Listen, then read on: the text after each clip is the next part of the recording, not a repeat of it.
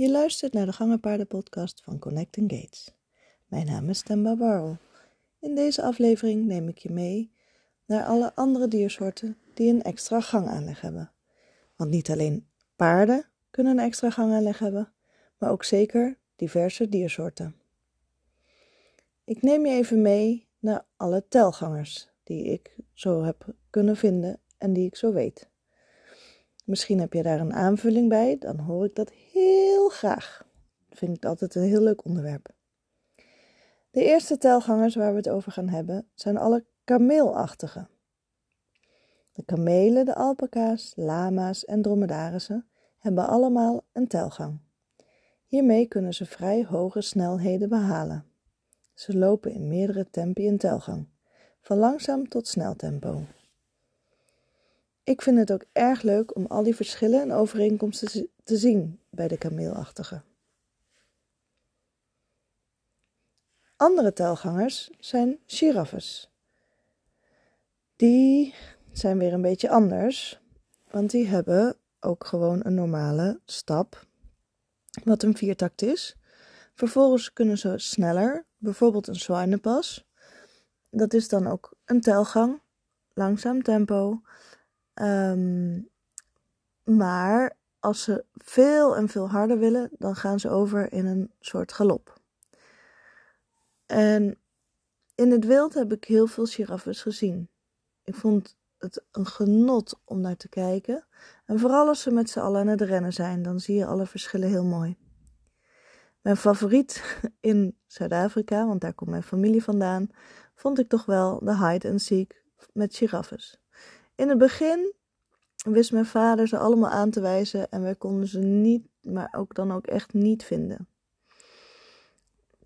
Want hij was ermee opgegroeid en hij heeft natuurlijk al lang oog voor het wild. En zeker, hij weet precies waar hij moet, naar moet kijken. En wij als kind wisten dat helemaal niet. Dus dat was natuurlijk ook wel heel hilarisch. Inmiddels is dat ook wel heel anders. En kan ik dat doorgeven aan mijn partner.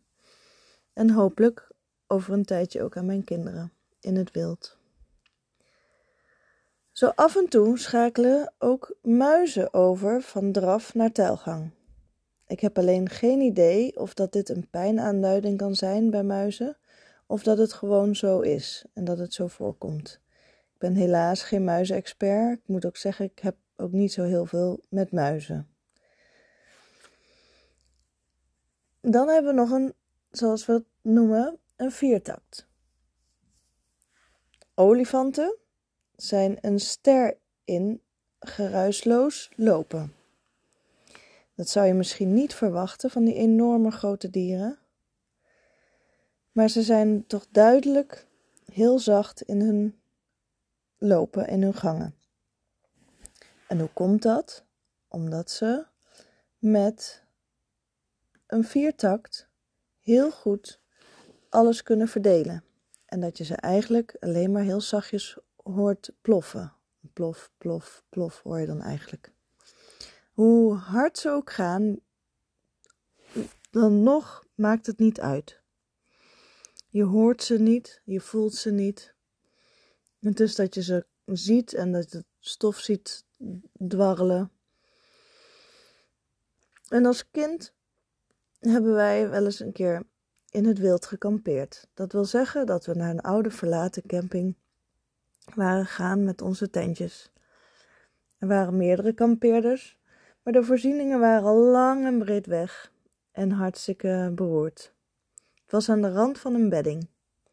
In de ochtend kwamen er drie jonge olifanten met een stof, hoop stof heel hard voorbij in een enorme harde tult.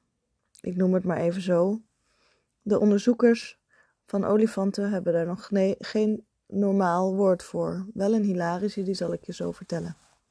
Je hoorde ze niet, je voelde ze niet eens neerkomen. Heel zachtjes hoorde je ze, maar ze kwamen met een rotgang voorbij door de bedding heen.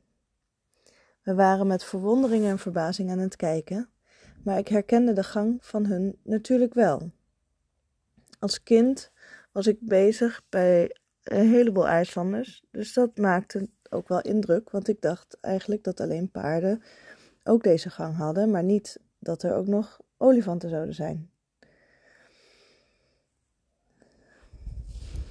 Ik heb nog even wat ingelezen om nog meer informatie te krijgen. En zoals ik net al even vertelde, zijn er onderzoekers en wetenschappers die geprobeerd hebben om er iets van te maken, van deze gang. En eigenlijk beschreven het zoals ze bij de meeste, bijvoorbeeld IJslanders, de drult um, uitleggen, dus draftult, wordt dan zo genoemd. Ook al is het precies dezelfde benaming en dezelfde gang, dat kan dan ook foxtrot zijn. Een beetje in vaktermen, een ingewikkelde taal misschien. Maar bij de olifanten hebben de onderzoekers en wetenschappers bedacht dat een olifant looprent of loopdraaft. Ik vind het hilarisch natuurlijk om dat allemaal zo te lezen. En een olifant rent schijnbaar efficiënter dan een mens. Dat hebben ze dus met een hele hoop camera's en weegplaten en dergelijke gemeten. En uh, dat allemaal berekend hoe dat dan werkt. Ik vond het wel een leuk artikel om daar even doorheen te lezen. Dus als je googelt op olifant rent efficiënter dan een mens, dan vind je het artikel waar ik het over heb. Er zijn ook honden en katten die kunnen telgangen. Hierbij zou ik wel echt eerst willen weten of er geen blokkade in de nek of rugwervel is. Dus ga alsjeblieft, als dit gebeurt, of, of dat je hond of kat dat vaker laat zien, laat het even nakijken door bijvoorbeeld een chiropractor of osteopaat, zodat je pijn uit kan sluiten. Want ik zie namelijk heel vaak honden of katten die ergens in de schouders, nek of rug vastzitten, waardoor ze na een behandeling helemaal niet meer in telgang lopen. Echter ken ik ook honden die al vanaf pups af aan in telgang lopen. Zo heb ik een uh, hoverwart leren kennen en die kon echt heel perfect telgangen. Zij belde mij een keertje op en vroeg mij of ik wist hoe ik haar hond kon leren draven. Want voor al die gehoorzaamheid en alle andere um, dingen op de hondenschool moesten ze, voor bijvoorbeeld een examen, moest hij kunnen draven.